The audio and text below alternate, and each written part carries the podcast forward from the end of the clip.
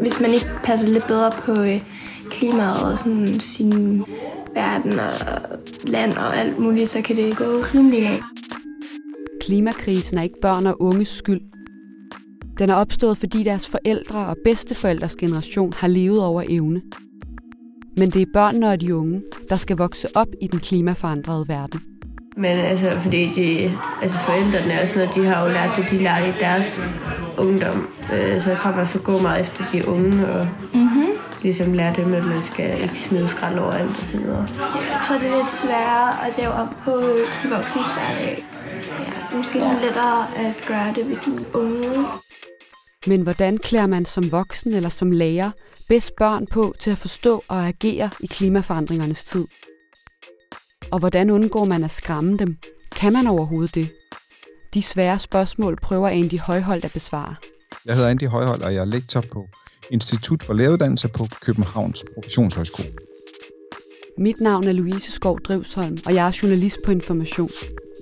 I dagens afsnit af Klimapodcasten har vi lånt lydklip fra de lærerstuderende på Københavns Professionshøjskole, som har lavet interview med 6. og 7. klasser om at være barn og ung i en klimakrise.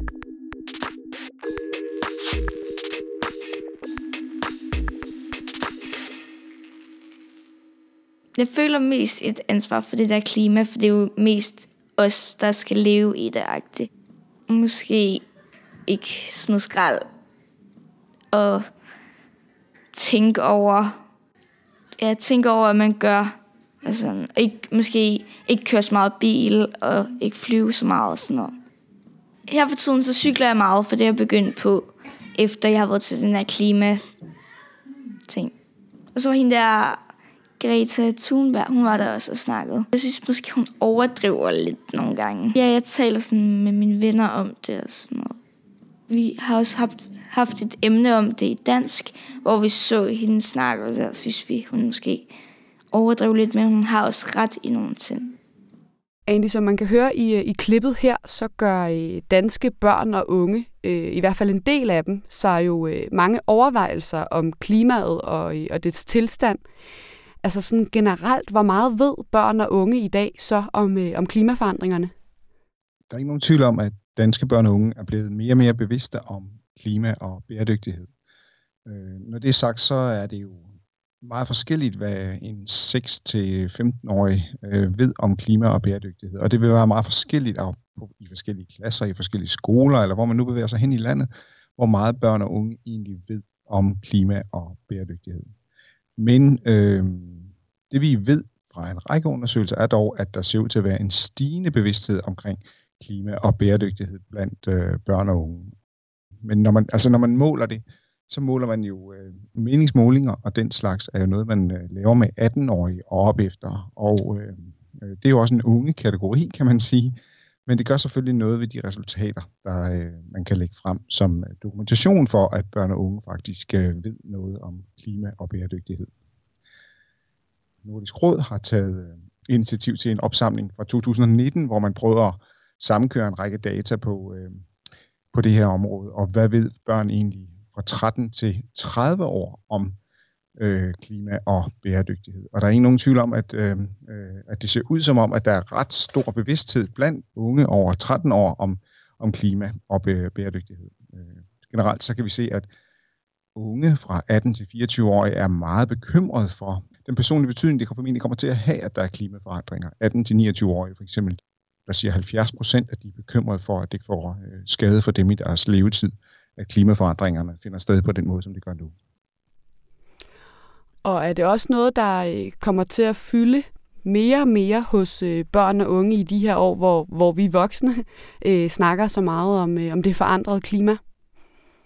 Ja, det er der ikke nogen tvivl om, at det gør. Og der er heller ikke nogen tvivl om, at det er noget, som børn og unge bider mærke i. De, børn og unge får jo deres øh, informationer både fra forældrene, men de får dem jo også fra deres deltagelse på sociale medier og øh, den snak, de har med deres klassekammerater og den samtale, de har med lærere og pædagoger i skolen. Altså, øh, øh, der er ikke nogen tvivl om, at det er noget, der kommer til at fylde mere og mere de, øh, de kommende år. Der er ikke noget, der ser ud som om, at det er på vej ned. Øh, og øh, det, der er det positive ved det, kan man sige, det er, at unge ser ud som om, at de øh, både gerne vil have, at de voksne handler politisk, men de er også selv villige til at øh, handle i deres eget liv.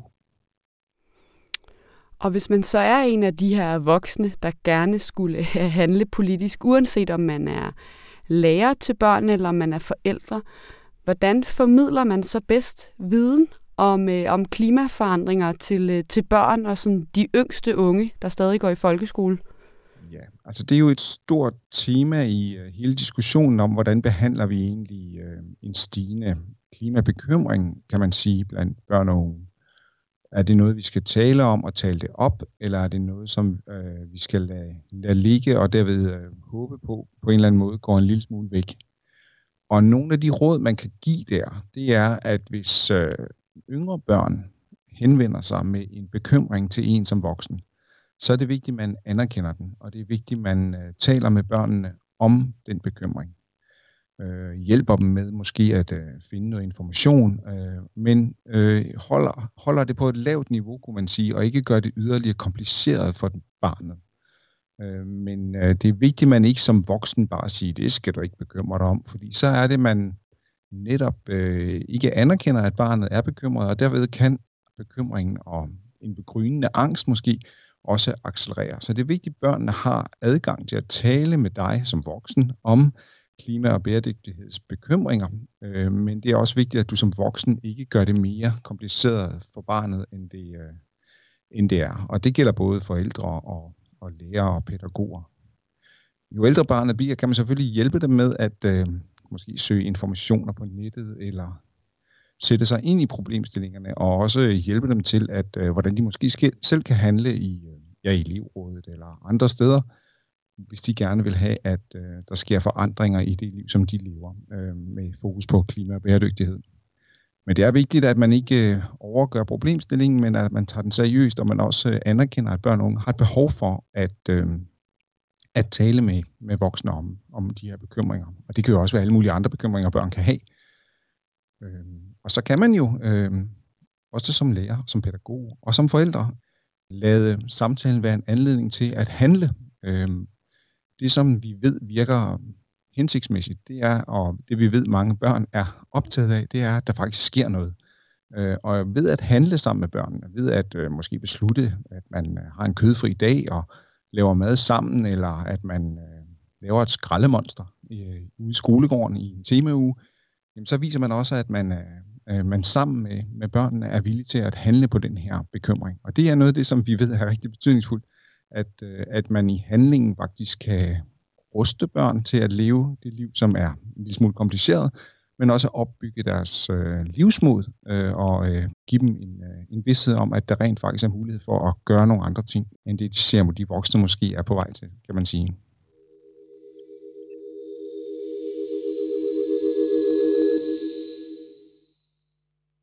Altså nogle gange tænker jeg på det, fordi jeg ser det på sådan nogle sociale medier og sådan noget, for eksempel isbjørnen, der sådan er blevet rigtig tynde, og som går rundt næsten i vand, fordi der ikke er noget is tilbage.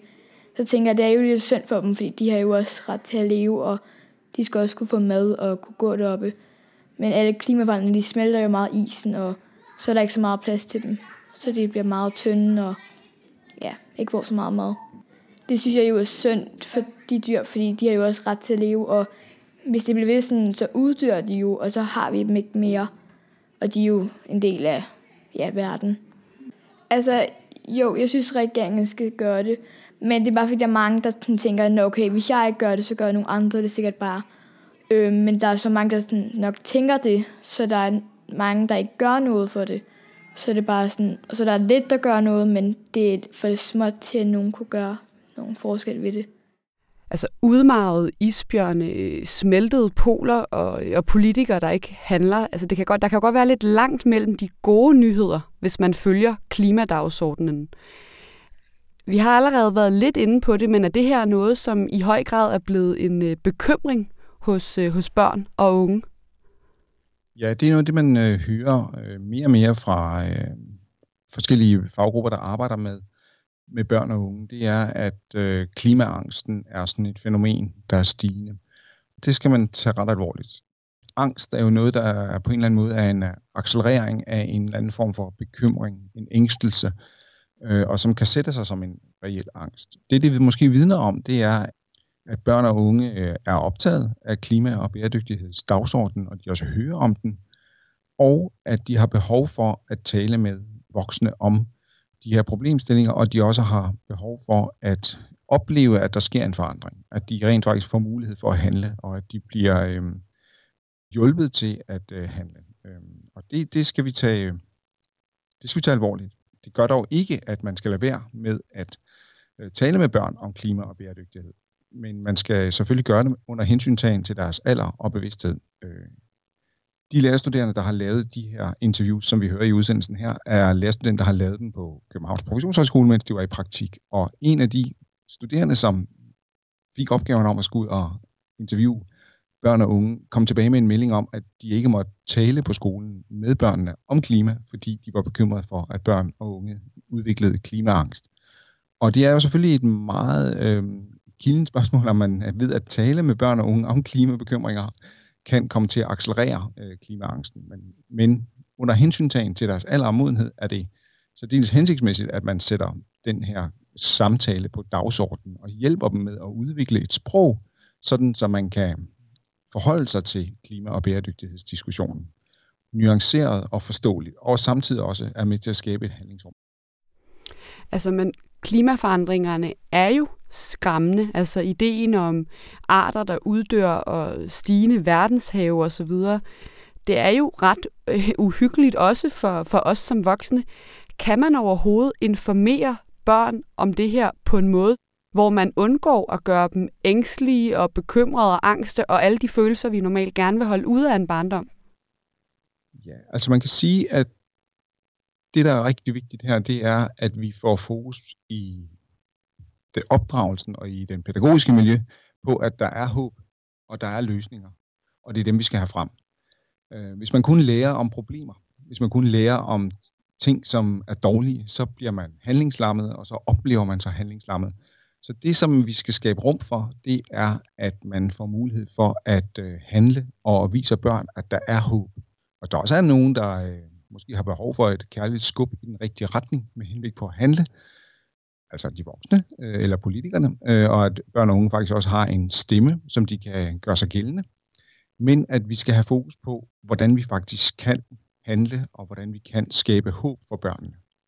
Og det er, øh, det er et meget væsentligt tema det, det, øh, i hele den her klimabæredygtighedsdiskussion. Øh, Selvfølgelig skal man vide noget for også at kunne handle, men hvis man kun holder det til vidensniveauet, så er det, at man kan strande til som barn, og man risikerer at blive handlingslammet. Og der er håb, og der er løsninger, og der er mennesker, som gerne vil hjælpe, og der er også muligheder for at handle der, hvor du er. Øh, der er masser af muligheder for at skabe handling og, og håb i den pædagogiske praksis, og det er det, der skal være i fokus. Det, der skal være det bærende. Men altså, forsøger jo også at, at beskytte børn for andre uhyggelige øh, nyheder. Det er ikke øh, unormalt, at værterne i TV-avisen advarer om, at den her øh, udsendelse indeholder billeder, der er, er uegnede for børn eller lignende. Med de mange øh, uhyggelige perspektiver, der er, også i klimakrisen, kan man så ikke argumentere for, at det burde være noget, man forskånede børn for og unge for, der gerne skal leve en øh, så ubekymret tilværelse som muligt? Jo, øhm, jeg tror også, jeg vil skåne, vælge at skåne børn, så længe de ikke selv spørger om det. Altså så længe de er små, og så længe de ikke spørger om det selv. Men kommer de først til dig med spørgsmålene, og begynder vi først at have det som indhold i undervisningen, og øh, begynder man først at se ultranyt, hvor temaet bliver bragt på banen på en god, konstruktiv måde, så er det, at vi skal være med som voksne til at være til rådighed, som nogen, der, der lytter og anerkender. Så så længe de helt små børn, smøren i børn, det man kunne sige børn i for, førskolealderen, eller mindre børn, øh, ikke har brug for, de har sådan set ikke, tror jeg, så meget brug for at høre om, at øh, vi har nogle klimaforandringer, som eller børn, der sulter, eller nogen, der er hjemløse, eller hvad ved jeg. Men øh, de skal blive klogere på verden i små bidder, øh, og de skal lære at forholde sig til verden i små bidder og udvikle et sprog for den. Vi kan ikke skåne børn fra internettet. Vi kan ikke skåne børnene fra sociale medier. Vi kan være optaget af og interesseret i, hvad de også ved, hvad de har adgang til, og tale med dem om, hvor det måske ikke er hensigtsmæssigt at være på internettet og på de sociale medier. Men øh, gradvist så skal børn opdrages til at tage vare på deres liv og på at tage vare på det samfund, som vi, vi alle sammen er en del af. Øh, og det involverer også øh, nogle gange, at øh, der er nogle bekymringer, som melder sig, øh, som vi så skal hjælpe med at skabe rum for, at man kan handle på. Man kan ikke fjerne bekymringerne. Det vil være, vi kan ikke rive stikket ud til internettet, selvom vi gerne ville. Øh, så gradvist under hensyntagen til deres modenhed, så øh, er det vigtigt, at de bliver inddraget, og øh, vi, ikke, vi kan ikke ignorere det. Vi kan ikke fortige det. Lad være med at prøve på det.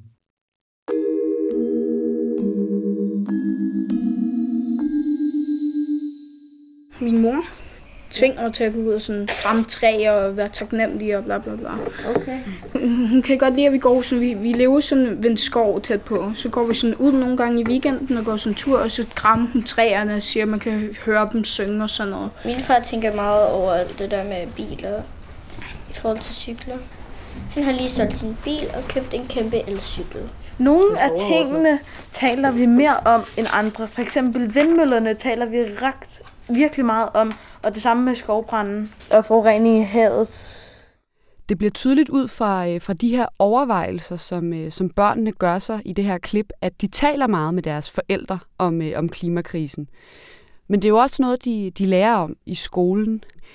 Altså på sådan en uh, typisk folkeskole i dag, hvor meget fylder klima så på skemaet? Det er jo ret forskelligt, kan man sige, afhængig af, hvor, øh, hvor vi er henne i Danmark, eller hvor, hvilke folkeskoler vi er på. Jeg står med en, øh, lige her foran mig står jeg med en, øh, en præsentation af en ny skoleleder fra øh, Ølsted Skole, øh, her, som fik en ny skoleleder her i, øh, i sidste uge. Og han siger, at øh, selvom man er en lokal lille skole, så kan man godt arbejde øh, globalt, tænke globalt. Og han vil arbejde for at øh, integrere FN's verdensmål, så det bliver en betydelig del af elevernes skolegang. Og på øh, den her skole, der vil man jo så blive præsenteret for en række af de temaer, som handler om klima og bæredygtighed og FN's 2030-mål, øh, som jo er en ret klar plan for, hvor er det, vi skal hen med vores samfund øh, inden 2030, og det har vi forpligtet os til. Men hvis man går lidt tættere på, øh, kan man sige, så står der jo i folkeskolens formål, at øh, eleverne skal opnå en forståelse for samspillet med naturen. Det er sådan et overordnet mål med folkeskolen. Men det er ikke alle fag, i folkeskolen, som har det som et øh, fokuspunkt. Øh, sådan et fag som dansk for eksempel har det sådan set, har ikke bæredygtighed nævnt i fagets formål. Men geografi har det med, biologi har det med, samfundsfag har også et relateret begreb, hvor øh, man skal opnå forståelse for, hvordan mennesker påvirkes af og kan påvirke samfundet, kan man sige, og har et, nogle temaer og indholdsområder, der handler om økonomi og bæredygtighed. Men det er meget forskelligt i de forskellige fag. Vi har et overordnet formål, men meget af det er også noget, der ligger rundt omkring, som skolelederen, f.eks. her på Ølstedskole, så har besluttet, at det er noget, som er en del af vores almen dannelsesopgave. Men der er ingen tvivl om, at det nok godt kunne øh, styrkes, kan man sige. Altså i Norge for eksempel, der har man øh, inden for en bestemmelse om, at der skal være fokus på bærekraftig udvikling, kalder de det. Øh, altså, hvor det handler om, at Eleverne skal lære at værne om livet på jorden og tage vare på behovene for menneskene, som de ikke ødelægger det for fremtidige generationer. Og øh, det er jo noget mere end, at man skal have forståelse for samspillet med naturen. Her skal børnene faktisk lære i Norge at værne om naturen. De skal lære at ikke at ødelægge kloden for fremtidige generationer. Og det er indført som et obligatorisk tværfagligt tema i Norge. Og øh, der kunne man måske godt savne, at den danske folkeskole øh, kiggede på, eller politikerne og vi alle sammen kiggede på folkeskolens formål og sige, hey, er den egentlig tunet ind på den situation, vi står i nu, og den forpligtelse, vi har i forhold til FN's verdensmål. Vi har jo forpligtet os i Danmark til at arbejde for, at børn og unge får en viden om bæredygtig udvikling. Altså, i FN's verdensmål, der står der, at inden 2030, der skal alle elever have tilegnet sig viden og færdigheder, som er nødvendige for at fremme bæredygtig udvikling. Og når man kigger på det danske folkeskoleformål, så må man sige, at der, der er måske noget, man godt kunne gøre lidt mere af der. Altså, så så du gerne en mere øh, klimaaktivistisk, kan man måske nærmest kalde det, folkeskole? Ja, altså, mm, hvis, når vi nu ved, at noget af det, der kan reducere bekymring og angst, det er muligheden for at handle, så vil det være en rigtig god idé at rette pædagogikken mere over mod at skabe håb og skabe handling, øh, skabe rum for handling. Og vi kommer ikke udenom, altså uddannelse og undervisning er jo nok ikke det, der gør, at vi kommer til at få et mere bæredygtigt samfund. Ikke alene i hvert fald, men vi kan heller ikke forestille os, at klima og bæredygtighed bliver en, øh, noget, vi kommer til at arbejde progressivt med, uden at have det ind i uddannelse og skole. Det vil være meget underligt, øh, fordi noget af det, som der jo i høj grad er behov for, hvis vi skal reducere øh, risikoen for, at vi alle sammen ødelægger det for de kommende generationer, det er, at vi skal ændre værdier. Altså, at vi er nødt til at arbejde med værdier, og at vi er nødt til at arbejde med værdier på en særlig måde. At noget må gå ud, for noget andet kan komme ind, kan man sige. Og når alle elever skal tilegne sig viden og færdigheder, som er nødvendige for at fremme bæredygtig udvikling, så handler det også om værdier. Og det handler skole og pædagogik jo rigtig meget om. Øh, så det bliver nødvendigt. Øh, du spurgte, om man skulle kalde det mere aktiv, øh, aktivistisk. Øh, ja, skabe rum for, at børn og unge kan handle, det er en rigtig god idé, selvfølgelig. Men også at skabe et rum for, at man rent faktisk øh, bliver forpligtet til i folkeskolen at lære børnene at værne om livet på jorden. Øh, at det er, en, øh, det er et niveau op, øh, og det, er, øh, det kunne med fordel skrives langt mere forpligtende ind i folkeskolens formål. Så det vil være en, øh, en anbefaling herfra, helt klart. Øh, og der er også uddannelsespolitikere, der har været ude og anbefale det. Øh, og diskussionen står der også lige nu. Hvordan skal vi gribe den i, reformen, i en reform af, af folkeskolen? Ja, jeg ved netop, at der, som du siger, er debat om, hvor meget klima skal fylde på læreruddannelsen, som jo udklækker fremtidens folkeskolelærer. Det er jo her, det skal starte, hvis man vil klæde øh, lærerne på til en mere klimaorienteret folkeskole. Hvad handler den her debat om? Jamen, altså aktuelt så handler den om, at øh, vores uddan eller forskning og øh, uddannelsesminister Anne Halsbo Jørgensen har øh, sat en reform af læreruddannelsen i gang og hun har nedsat en udviklingsgruppe, som skal arbejde med en ny udvikling af en reform, eller en gennemgribende, eller en justering af den nye læreruddannelse. Og i den forbindelse er der selvfølgelig øh, nogen, der har meldt sig på banen og argumenteret for, at der skal være mere fokus på øh, klima og bæredygtighed i den fremtidige læreruddannelse.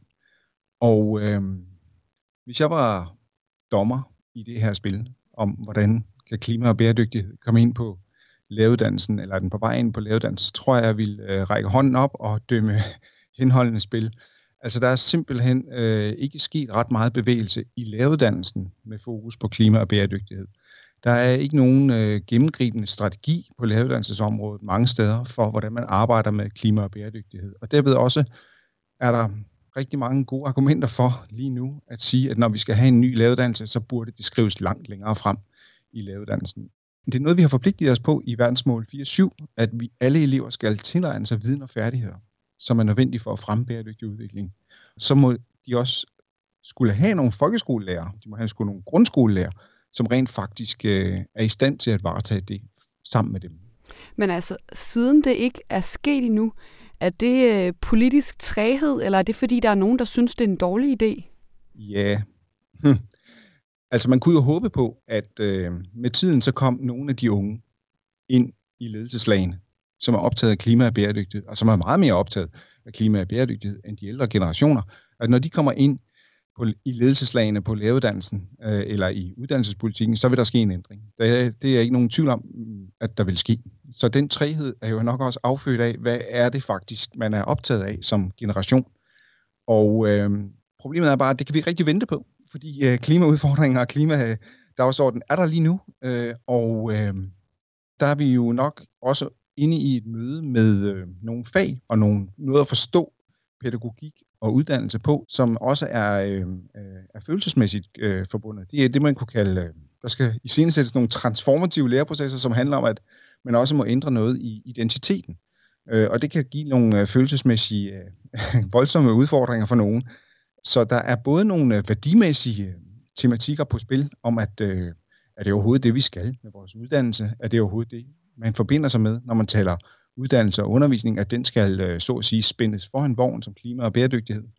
Øh, der er ingen tvivl om, at der er et slagsmål der, øh, og så på den anden side, så må man også sige, at der er nogle andre positioner, altså der er nogle nye fag, man også gerne vil prioritere, teknologiforståelse og andet, som man gerne vil have ind i, øh, i lavedansen, som der er sådan en fagtrængsel, kunne man sige. Men øh, hvis man kan komme med nogle råd fra den forskning, der bliver lavet, og hvis man forbinder den noget med e-, etik og moral, så tror man godt, man kan argumentere lødigt for at sige, at der er simpelthen behov for at sætte øh, bæredygtighed foran udviklingen af folkeskolen og læreruddannelsen. Altså, det må simpelthen, øh, det er det, vi skal bruge læreruddannelsen til. Det er det, vi skal bruge folkeskolen til også, at øh, hjælpe øh, os alle sammen med at skabe et mere bæredygtigt samfund. Og den diskussion er aktuel, og den står der lige nu, og det bliver spændende at se, hvordan den lander, når vi øh, når hen til oktober måned, hvor den udviklingsgruppe, der sidder og arbejder med lavedansen, skal fremlægge sine resultater for ministeren. Om det er kommet ind i den fremtidige lavedans, det kan man aktuelt godt være ret bekymret for, at det sker ikke. Og der har vi heldigvis nogle ret aktivistiske og engagerede unge lærerstuderende, som er meget optaget af det. Øh, så må vi håbe, at de øh, får deres øh, stemme gjort gældende i, i det politiske arbejde her. Det er også noget, vi kommer til at følge her i, i Klimapodcasten. Måske kommer vi til at snakke sammen igen så, Andy, når de når så langt. Du skal have tusind tak for, at uh, du vil medvirke i dag. Selv tak, det var en fornøjelse. Og også tak til dig, der lyttede med. Med i redaktionen var også Martin Ban, Anders Fjordbak Trier og Anne Pilegaard. Vi lyttes ved.